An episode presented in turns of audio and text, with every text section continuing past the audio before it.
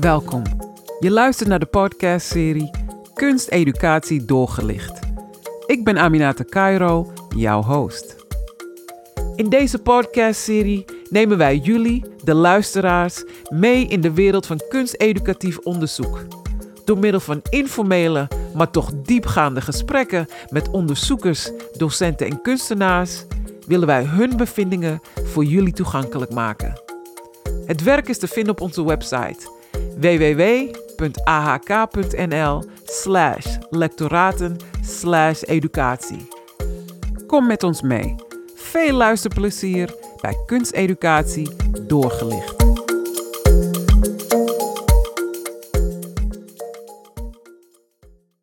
En we zijn weer terug bij uh, het lectoraat kunsteducatie.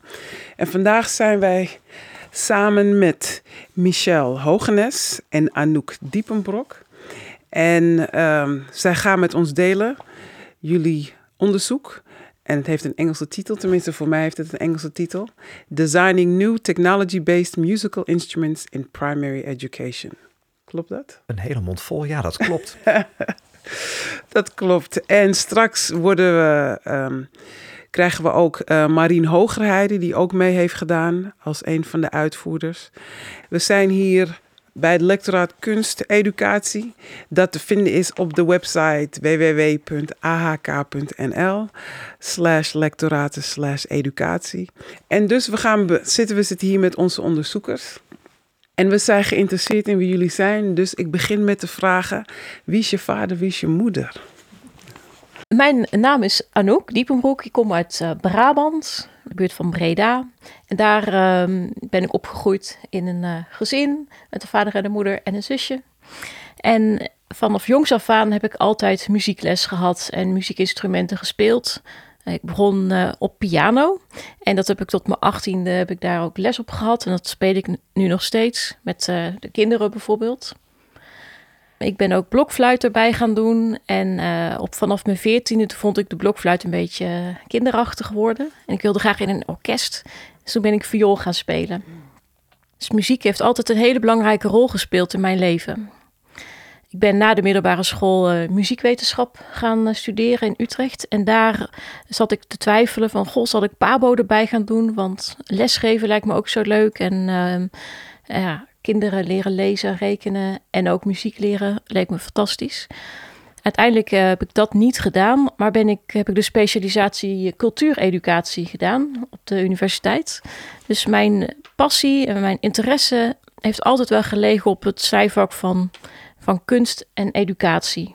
Na mijn uh, studie ben ik, uh, ging ik bij het concertgebouw werken. En daar heb ik een onderzoek gedaan naar de mogelijkheid om een educatieafdeling op te zetten. En ben ik toen blijven plakken op de afdeling productie. En ontzettend veel kamermuziekconcerten georganiseerd. En ja, ontzettend veel uh, mooie concerten meegemaakt daardoor. En toen het muziekgebouw in 2005 geopend werd, dacht ik, ja, dit moet ook een plek worden voor kinderen en jongeren, waar kinderen en jongeren zich thuis voelen. Dus toen heb ik daar een uh, open sollicitatie naar gestuurd en ja, ben ik aangenomen als coördinator klankspeeltuin. Mm. Dus uh, dat was een uh, platform waar uh, kinderen met allerlei elektronische klankinstallaties zelf muziek konden maken. En wat eigenlijk al best wel vernieuwend was, ook al in die tijd. We hebben het nu over begin 2000. Omdat muziekeducatie heel vaak, ik leer jou een lied zo mooi mogelijk aan. Of je krijgt een stukje bladmuziek voor je en je moet zo goed mogelijk de noten leren spelen. En bij die klankspeeltuin ging het heel erg om zelf ontdekken en zelf je eigen muziekstuk creëren. Daar hebben we met heel veel uh, plezier met een team gewerkt en met workshopleiders. En um, uiteindelijk vonden we de klankspeeltuin na een jaar of tien niet meer zo goed bij de missie van het muziekgebouw passen als in voorop lopen in de muzikale ontwikkelingen. En vonden we dat dat met educatie ook moesten doen, voorop lopen in de muzikale ontwikkelingen. We hebben toen een uh, projectplan geschreven over ja, welke kant moet het met de klankspeeltuin op. En we kwamen toen tot de conclusie dat we af wilden van die grote eh, elektronische klankinstallaties. We wilden graag één persoons gekke, nieuwe, zelfbedachte uh, instrumenten. Dus ehm, toen hebben we ja, een project gedaan dat heette Van Klankspeeltuin naar Soundlab. Daar heeft Michel ook uh, aan meegewerkt in een klankbordgroep. En het resultaat daarvan was dat in 2017 het, Soundlab opende met ja, nieuw verzonnen technologische instrumenten, maar ook met instrumenten die DJ's gebruiken of laptopartiesten. En waar kinderen, jongeren en ook volwassenen, ja, uh, eigenlijk iedereen op zijn eigen niveau zelf muziek kan maken met ja, de instrumenten die er daar maar voorhanden zijn. Dus niet instrumenten waar je jarenlang op moet oefenen, maar waar je eigenlijk meteen op aan de slag kan, maar waar je ook beter in kan worden. Dus het is, ze, je kunt ze ook echt leren beheersen. En uh, uiteindelijk dacht ik uh, in uh, 2019, ja, voor mij is het nu al de tijd gekomen om een nieuwe stap op te gaan, een nieuwe kant op te gaan. En ik vond, ja, want die klankspeelt of die dat nieuwe soundlab, dat moet je natuurlijk blijven vernieuwen, want anders veroudert dat ook weer snel. En ik vond dat eigenlijk eh, dat dat niet meer aan mij was, maar aan weer uh, een nieuw iemand met nieuwe ideeën, nieuwe inzichten. Dus toen heb ik, uh, ben ik op zoek gegaan naar een andere baan. Ik werk nu in de kunsteducatie. Op dit moment in Zandam bij Fluxus en vanaf volgende maand bij Wereland in Purmerend als afdelingshoofd onderwijs.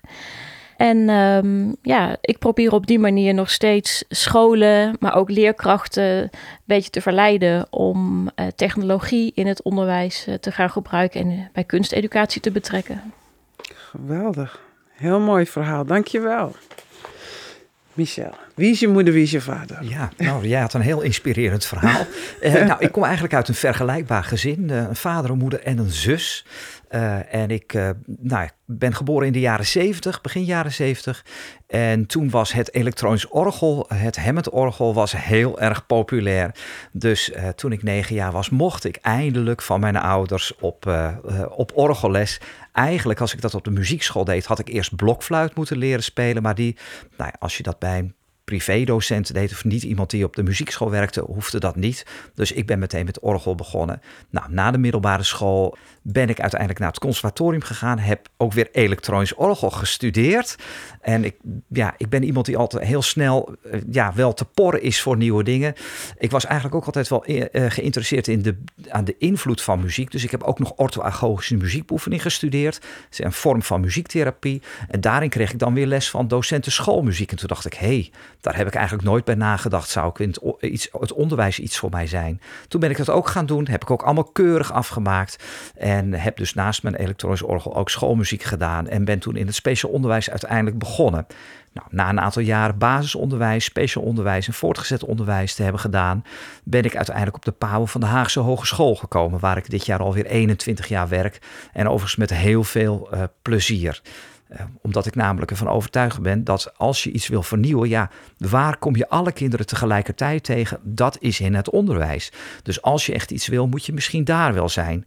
Nou, wat we eigenlijk over het muziekonderwijs weten, is dat, dat het altijd al wel een ingewikkeld vakgebied is. Hè. Als, met name in het voortgezet onderwijs is daar veel, veel onderzoek naar gedaan. Kinderen waarderen het fenomeen muziek. Hè. Ze draaien de hele dag door muziek.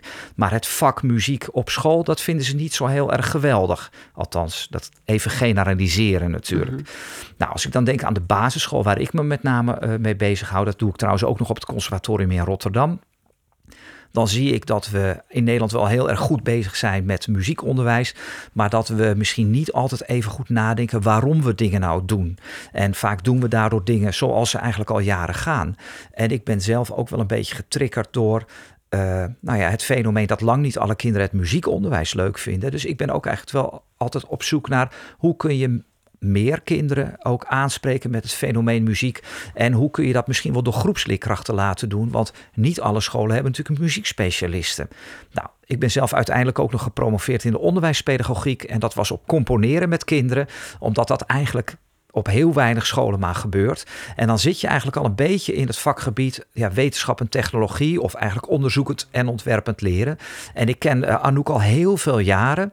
En we hebben het daar heel vaak over gehad, natuurlijk, omdat zij uh, uh, hoofd van het muziekgebouw aan het ei was.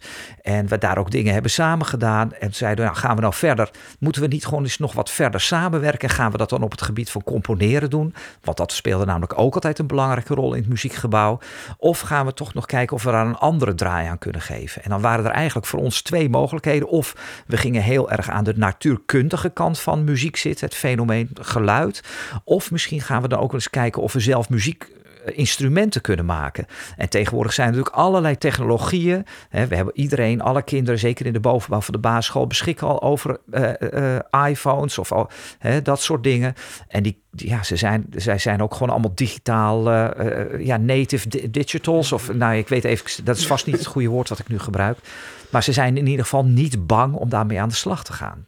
En wat misschien ook nog wel een mooi onderwerp is, of wat een mooi, mooi, mooie mogelijkheid hiervoor zou zijn, is dat we ook andere kinderen aan kunnen spreken. In die zin dat kinderen die normaal niet zo passen bij dat traditionele muziekonderwijs, nu ineens wel getriggerd kunnen worden. Want we zitten hier nu in een prachtige studio. En ik ben eigenlijk altijd wel heel erg jaloers op de oren van een studiotechnicus. Want ik ben opgeleid als muzikus, maar ik weet dat er studiotechnici zijn die veel betere oren hebben dan ik. En daarmee wil ik eigenlijk zeggen dat in het onderwijs gaan we er altijd vanuit dat het hoogste goed is dat je zelf heel goed piano kunt spelen of viool kunt spelen. Maar er zijn eigenlijk ook andere mogelijkheden om met muziek bezig te zijn en die muzikaliteit te ontwikkelen. Nou ja, goed. Ik kan hier, als je wil, kan ik hier nog echt uren over doorpraten. Dat geldt voor Anouk, vrees ik ook. Dus misschien moeten we dat hierbij even bij laten. Ja, dankjewel. Dank jullie wel. Nou, laten we kijken specifiek naar, naar jullie project, naar jullie onderzoek. Uh, het was een samenwerking uh, met Soundlab, met het Soundlab, ja. waar je toen nog aan het hoofd was. En, en jullie hebben dus gekeken naar uh, ja, design-based learning. En hoe, dat, en hoe kinderen een muziekinstrument konden maken en hoe dat bij kon dragen aan het leren van die 21st century skills. Ja. En zou je ons kunnen vertellen hoe jullie onderzoek in elkaar zat. Ja, uh, nou wij gingen uit, we zijn eigenlijk begonnen met uh, te bepalen eigenlijk dat ons, dat ons project vier workshops zou hebben. We zouden vier keer langs gaan op een school. En we wilden dus toe dat uh, het doel van het, ehm, van het project was dat kinderen hun eigen muziekinstrument op basis van technologie hadden gemaakt. En toen hebben we eigenlijk een stappenplan gemaakt van wat zullen ze dan in les in workshop 1 doen, wat in 2 en 3 en hoe komen we uiteindelijk dan in 4 terecht? En toen zijn we natuurlijk gaan kijken, maar hoe ga je dat dan doen? Hè? Want je moet natuurlijk uh, wel kinderen iets hebben om mee te gaan bouwen. Dus zo hebben we de stappen bedacht, of hebben we gewoon natuurlijk eerst uh, research gedaan naar, ja, hoe pak je dat nou aan? Daar wisten we natuurlijk al wel tamelijk veel van. En dat blijkt gewoon, je kunt dat heel goed volgens een ontwerpcyclus doen. Wat betekent dat, je, dat er voor kinderen altijd een aanleiding moet zijn om inderdaad iets te gaan ontwerpen. Nou, we hebben de eerste keer daar bijvoorbeeld gekozen voor een film waar geen muziek bij zat. Dat was een Lego-film. Dat pakte toch een beetje anders uit dan we hadden gedacht. Want kinderen die eh, vonden die film wel heel erg leuk, maar vervolgens gingen ze bouwen en kwam die film nooit meer terug. Ja, het was een Lego, een trailer van een Lego-film, maar die hadden we wel door elkaar geknipt. Dus het was een beetje een, een, eh, een gek uh, stukje, zodat we daarbij had, probeerden we te voorkomen dat kinderen ook gingen namaken wat ze al wisten. Mm we hebben het namelijk twee keer uitgevoerd om de, de, tweede keer natuurlijk gewoon wat dingen te verbeteren. Toen hebben we een uh, soundtrack. Een soundtrack van. Uh, van nee, nee, een soundscape. Ja, sorry. Een soundscape van Pink Floyd gebruikt. En dat bleek eigenlijk beter te werken, omdat je daarmee meer vrijheid hebt. Hè? Als je nu een soundtrack wilt maken bij een film, ja, dan is die film wel heel erg leidend. Terwijl een soundscape, een geluidsschilderij, veel vrijer is. Kan je ons uitleggen voor het publiek thuis wat een soundscape is? Wat, waar moet ik dan aan denken?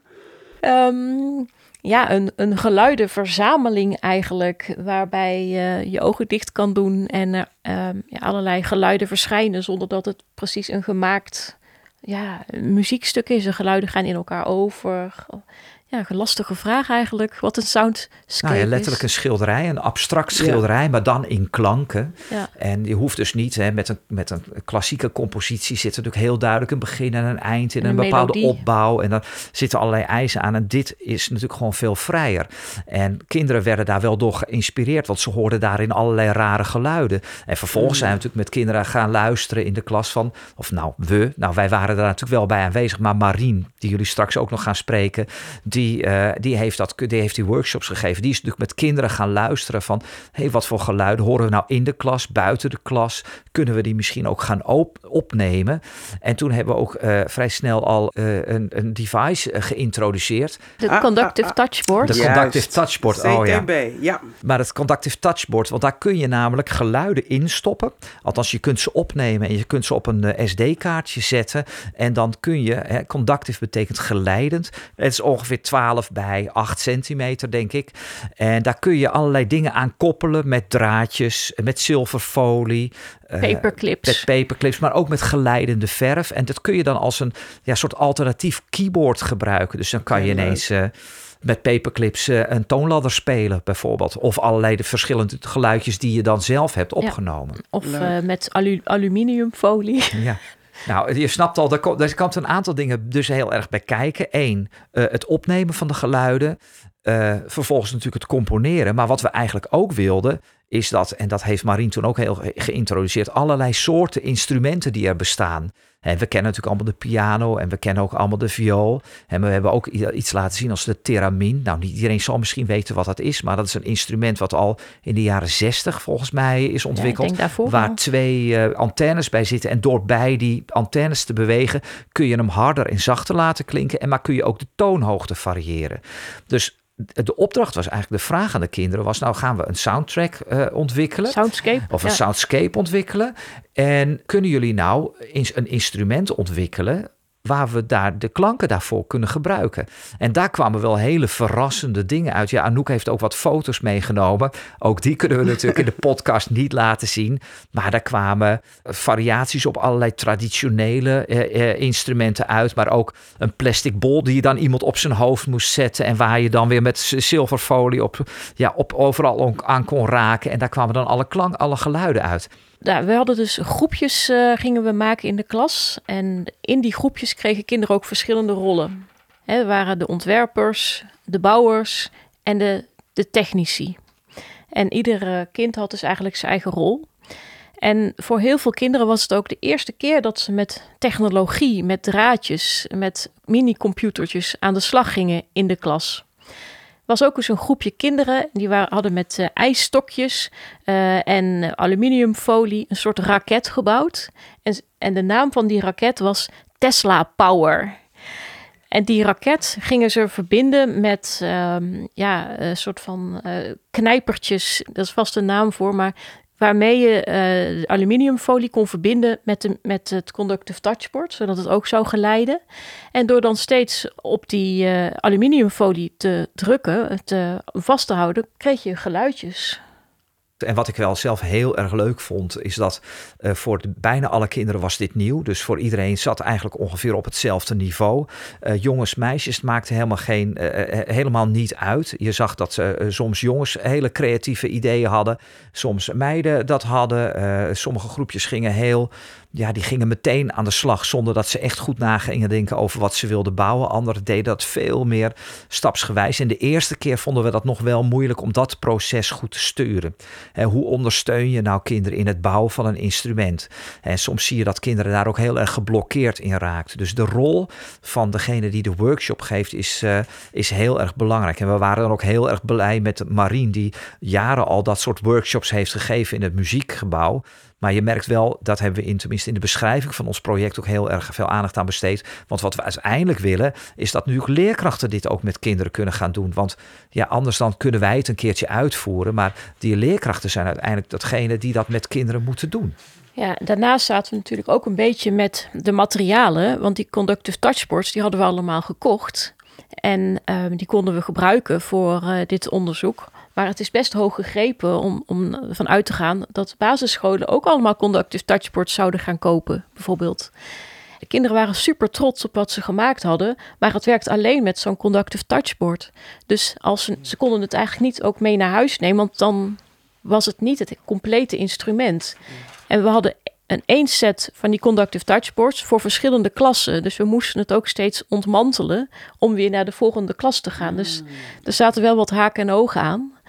Plus dat uh, voor de leerkracht, die stond ook met grote ogen te kijken, de, de leerkrachten, want we hebben het in verschillende groepen getest.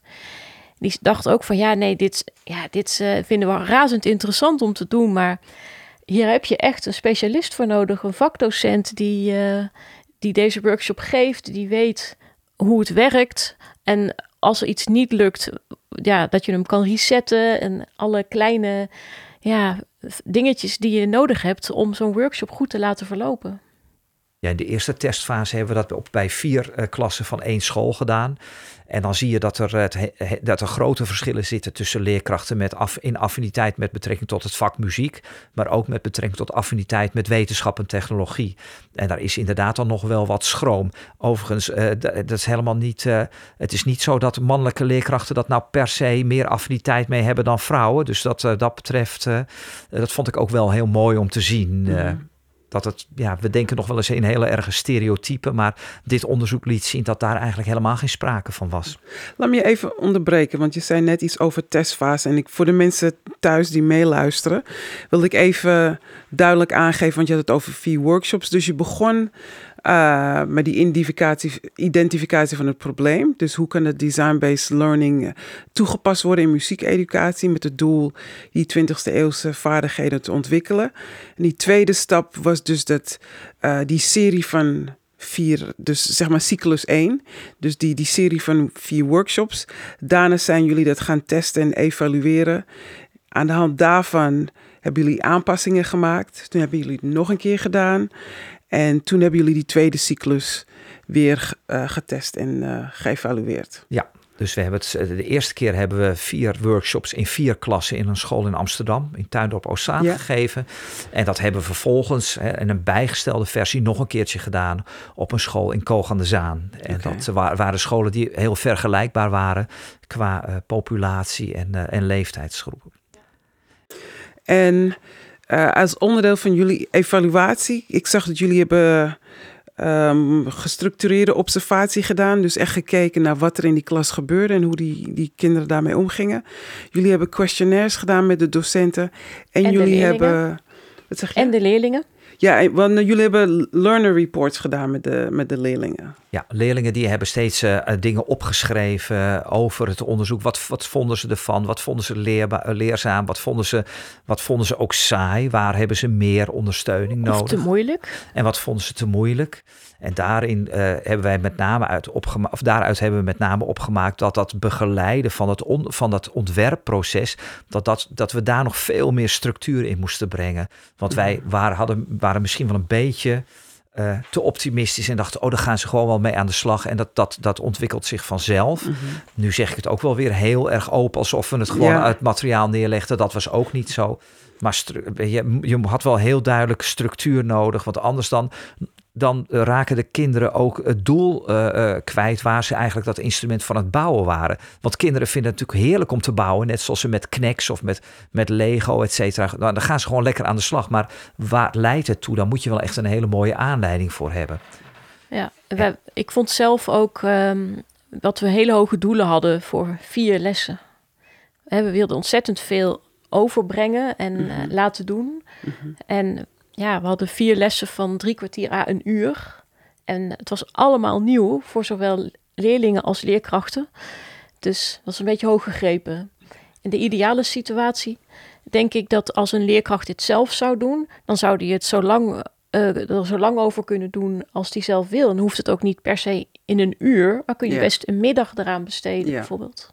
In die eerste evaluatie, wat, wat heeft jullie verrast? Nou, de resultaten van de kinderen, want die waren echt heel, heel erg leuk en heel erg enthousiast. Leerlingen waren super enthousiast om te bouwen, waren ook heel erg enthousiast over, over muziek. Nou, heeft dat ons verrast? Nou, ja, misschien toch wel. Uh, wat ons ook heeft verrast is de uh, hoeveelheid ondersteuning die leerlingen nodig hebben om goed, om echt tot het bouwen van instrumenten te komen, tot het ontwerpen te komen. En daarop hebben we ook met name wel ons ontwerp moeten bijsturen, dat we veel meer structuur aanboden. Omdat anders ontstaan er wel leuke dingen. Maar wat wil je kinderen nou precies leren? Welke Mhm. doelen wil je bereiken? Anders wordt het maar, nou ja, goed, hè, net waar ze mee komen. En dan moet je bij alles zeggen, goh, wat leuk. Maar als je precies weet, maar wat verwacht ik nou eigenlijk van kinderen? En kan ik ze dan ook nog een stapje verder brengen? Kijk, onderwijs is natuurlijk dat je kinderen iets wil leren. Niet iets met ze wil doen wat ze al kunnen. Hè, dus bij de eerste keer zou je kunnen zeggen, we kregen heel veel resultaten op het niveau wat ze eigenlijk al aankonden. En de tweede keer heeft Marien veel meer ondersteuning geboden en kon hij ze ook echt beter naar een hoger niveau krijgen. Kwamen er interessantere instrumenten uit qua vormgeving. Kwamen er ook interessante eh, geluiden hebben ze opgenomen. En, maar dat kwam dan ook weer dat we de laatste keer een workshop hebben aangeboden op het gebied van creative music making. Kwamen er ook interessantere eindresultaten in de muziek uit voort. Want dat was bij de eerste pilotserie wel echt voor mij de hamvraag. We hebben nu eh, allemaal muziekinstrumenten bedacht en gemaakt. En met geluidjes erin die we ook zelf hebben opgenomen. Maar hoe gaan we hier nog muziek mee maken? Dat is dan nog eigenlijk eh, weer eh, vier nieuwe workshops. Eigenlijk wel. Nou ja, wat we natuurlijk eigenlijk zouden willen, hè, is dat Nederland heeft eh, 1,6 miljoen kinderen op de basisschool. Hè, we hebben nu ook meer muziek in de klas. Eh, en we zijn ongeveer op een derde van de scholen wordt denk ik muziekonderwijs gegeven. Dus er is nog wel wat, eh, nog wel wat werk te verzetten. Een derde maar. Ik denk dat op een derde echt structureel muziek wordt gegeven. En de rest wordt natuurlijk ook wel eens gezongen als er iemand jarig is. Of Ja. soms als er een leuk project is. Maar als je de kinderen echt verder wilt hebben in hun helpen in hun muzikale ontwikkeling. Ja, dan kun je het natuurlijk niet laten bij af en toe een projectje. Nee. En heel veel eh, leerkrachten die denken van, oh ja, dat moet ik er ook weer bij gaan doen. Net als wetenschap en techniek moet ik er ook weer bij gaan doen. Of ontwerpend en onderzoekend leren. En de uitgangspunt van dit onderzoek was eigenlijk, nee leerkrachten, jullie hoeven er niet bij te doen. Jullie kunnen dit gewoon samen, hè, dat als je dit als je eh, op deze manier je muziekonderwijs aanbiedt, dan heb je het meteen ook aan wetenschap en techniek gedaan of aan onderzoekend en ontwerpend leren. Ja. Hoe kun je slimme combinaties maken? Alleen maar meer, meer, meer, dat kan niet. Hè? We weten allemaal dat als er een maatschappelijke discussie is, dan komt er wel weer een lespakket waar het basisonderwijs dan iets mee moet doen. Ja, soms is dat wel reëel, maar heel vaak ook niet. En moeten we vooral kijken hoe we vak- en vormingsgebieden op een hele slimme manier met elkaar kunnen verbinden. Nou, daar is dit een voorbeeld van, denk ik. En daar valt nog heel veel aan te verbeteren. Ja. En, eh, maar ik denk wel dat we daar een mooie stap in hebben gezet. Ja, Ik denk dat het een goed moment is om Marien uit te nodigen. eh, om ons eh, mee te doen aan ons gesprek. Marien is dus eh, de technicus, Ja. van, of was toen de technicus van Soundlab. klopt. En hij heeft eh, de workshops gedraaid. Nou ja, ik ben uh, Marien. Ik heb inderdaad de workshops gedraaid als technicus. En ik ben ook natuurlijk bij de technische ontwikkeling van het hele project bezig, uh, aanwezig geweest. En ik uh, moet zeggen dat het wel een hele uitdaging was om dit uh, tot een goed einde te, te krijgen. Mm -hmm. Omdat je aan heel veel zaken refereert natuurlijk bij de, bij, bij de kinderen, maar ook bij jezelf.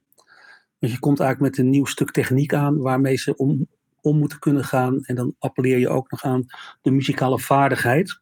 Ja. En uh, dat uh, werkt uh, bij de ene heel goed en bij de andere iets minder goed. En Marien, wat, wat, wat, wat was de grootste les voor jou om dit te doen? Um, structuur, structuur, structuur en daarna structuur. en daarna ook nog structuur. Oké. Okay. Dat was echt mijn allergrootste les. ja.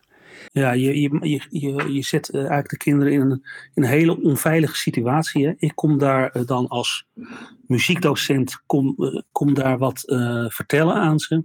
Daarnaast moeten ze heel veel van zichzelf laten zien. Dat is wel een beetje spannend. En daarnaast moeten ze er ook nog een keer muziek mee moeten maken. Mm -hmm. En ik denk dat we echt hadden beter in die structuur hadden moeten duigen. Dat het echt stap voor stap voor stap nog duidelijker uh, bij ze binnen had kunnen komen. Ik denk dat dat echt had geholpen wat ik las is dat uh, je werkte wel met kinderen om ze te introduceren aan professioneel materiaal. Maar het was de eerste keer dat het om zo'n designles gaat. Klopt dat? Ja, dat klopt. Via, okay. via die uh, design- en uh, ontwikkelcirkel ja. inderdaad. Ja, ja oké. Okay.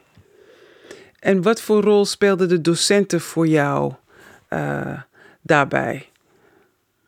Um, Kijk, dat vind ik eigenlijk wel een hele moeilijke. Het is, ik vind het, uh, als je dan voor zo'n klas staat, is het heel fijn als je dan ook de regie krijgt over zo'n klas. Mhm. Mm -hmm. En uh, het is ook fijn als er een docent bij blijft.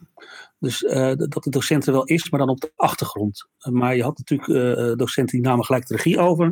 En je had ook docenten die een kopje koffie gingen drinken, omdat ze het al zo druk hadden. En begrijpelijk natuurlijk.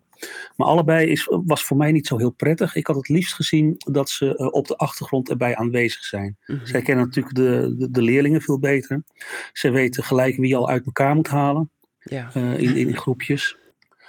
En dat, dat was voor mij de, de meest prettige rol van een docent. Ja. Michel, ik zag jou nou nee, nou ja, dat, dit was wel inderdaad die rol van die leerkrachten. Want ik, bij die tweede groep kan ik me ook nog die onderwijsassistenten uh, uh, herinneren. Ik weet niet of jij dat ook nog kunt herinneren, Marien. Die heel erg enthousiast was. Die was, uh, ja, dan zie je dat iemand heel veel affiniteit heeft met muziek. Want dat vond ze altijd heel erg leuk. Volgens mij zong ze ook in een koor of iets dergelijks. En zij vond knutselen, om het maar even heel denigrerend te noemen, ook heel erg leuk. En dan, ja, dan heb je iemand meteen. En ja, ja. Dat, is dan, dat is dan niet altijd het geval. En bij de tweede school liepen we soms ook tegen aan dat er binnen het team er was iemand ziek en dan worden de klassen samengevoegd. Dus je loopt wel tegen heel veel praktische dingen aan. En hoewel we, hè, wat Anouk heeft met bij beide scholen heel veel contact met de directies van de scholen gehad. Dus we wisten heel goed wat er zou moeten gaan komen. En dan nog merk je dat dat niet altijd genoeg is om alle docenten mee te krijgen. Informatie komt niet altijd daar waar je hoopt dat die, uh, dat die komt. Maar al met al ben ik gewoon wel heel erg tevreden, omdat misschien, hè, Marien heeft het over structuur, structuur, structuur. Dat is waar. Maar dat, daar, volgens mij heeft hij daar ook een, hele, een enorme stap mee gemaakt in de tweede, eh, tweede cyclus van vier lessen. Uh, maar we hebben ook wel een hele mooie nieuwe, nieuwe aanpak kunnen testen hiermee. En ja, nogmaals, daar, daar kan nog wel een stap of misschien nog wel twee stappen uh, achteraan komen. En dat is wel leuk, want Anouk is nu weer binnen Fluxus in Zaandam met Soundlab School bezig of school bezig om ook dergelijke projecten te doen. Dus dit was gewoon een mooi experiment wat ook meteen al een vervolg krijgt. Misschien kun je daar ook nog wel iets over ja, vertellen. Ga je gang. Ja, Soundlab School is een uh, lesserie van uh, waarin we acht thema's gaan uitwerken met uh, experts um, voor de groepen 1 tot en met 8. Ook hier bestaat ieder thema uit vier lessen en gaat het over onder, onderzoekend en ontwerpend leren en ook over technologie. Um, ja, er zijn uh, ja, bijvoorbeeld het eerste thema dat is uitgewerkt voor de groepen 1-2 heet Zingende bomen. Waarbij we met uh, natuurlijke materialen eigenlijk, uh, die gaan we onderzoeken van welke geluidjes kun je hiermee maken en hoe oh, kunnen we zelf muziek hiermee maken. En uh, een centrale kunstbron is dan gehaald uit de Art and Science database van de Hogeschool voor de Kunsten. En Marien trouwens, die doet pa pas dit soort dingen nu ook weer toe op het Media College. Het klopt toch, Marien? Jazeker. Ik ben uh, heel druk bezig om uh, op het Media College, een MBO-school in Amsterdam, om daar te kijken of ik kunst als vorm, als middel toe te passen op de, op de lessen. Ik geef les als uh, podium- en evenemententechnicus. En wat ik doe is uh, diverse kunstvormen laten zien en dan kijken of ik daarmee uh, de techniek bij de studenten naar binnen krijg. Dus ze hebben trouwens met de materialen die we hebben gebruikt voor dit onderzoek, hebben ze ook al een video-installatie gemaakt. Dus de, dat gaat gewoon door. Ja, dus die conductive touchboards, die hebben we nu gebruikt voor basisscholen, maar jij gebruikt ze dus nu ook voor het MBO Marien. Ja, daar maken, maken ze als interactie en dan maken ze dan een video-installatie mee. En dat is wel heel grappig dat die video-installatie weer terugkomt in het muziekgebouw aan het eind met het Minimal Music Festival. en zo zijn we weer helemaal rond.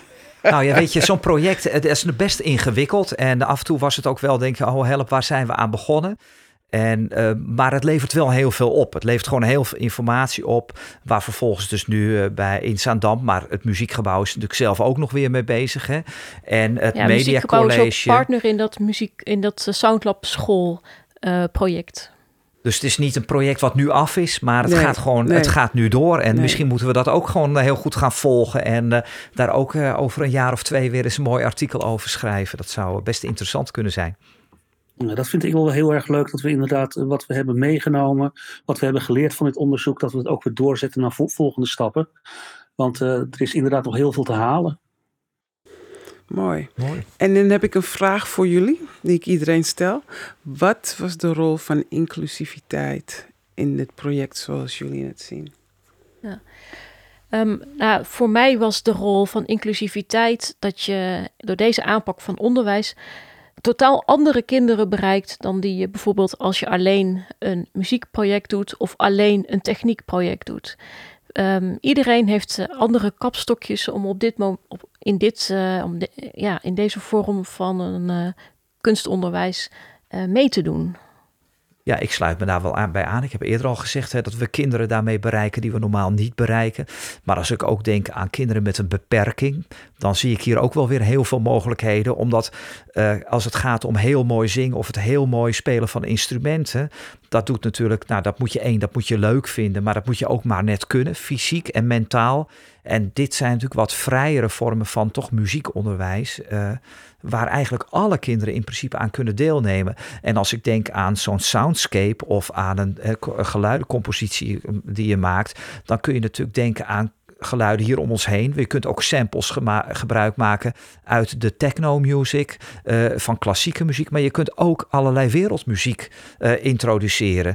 En uh, dat hebben we in dit project niet gedaan. Maar overigens heeft het muziekgebouw daar die houdt zich bezig natuurlijk met moderne muziek, maar ook met wereldmuziek. Hè, met installaties dat wel al gedaan. En ja, daarin denk ik dat we ook heel veel kinderen met heel veel wereldmuziek in aanraking kunnen brengen.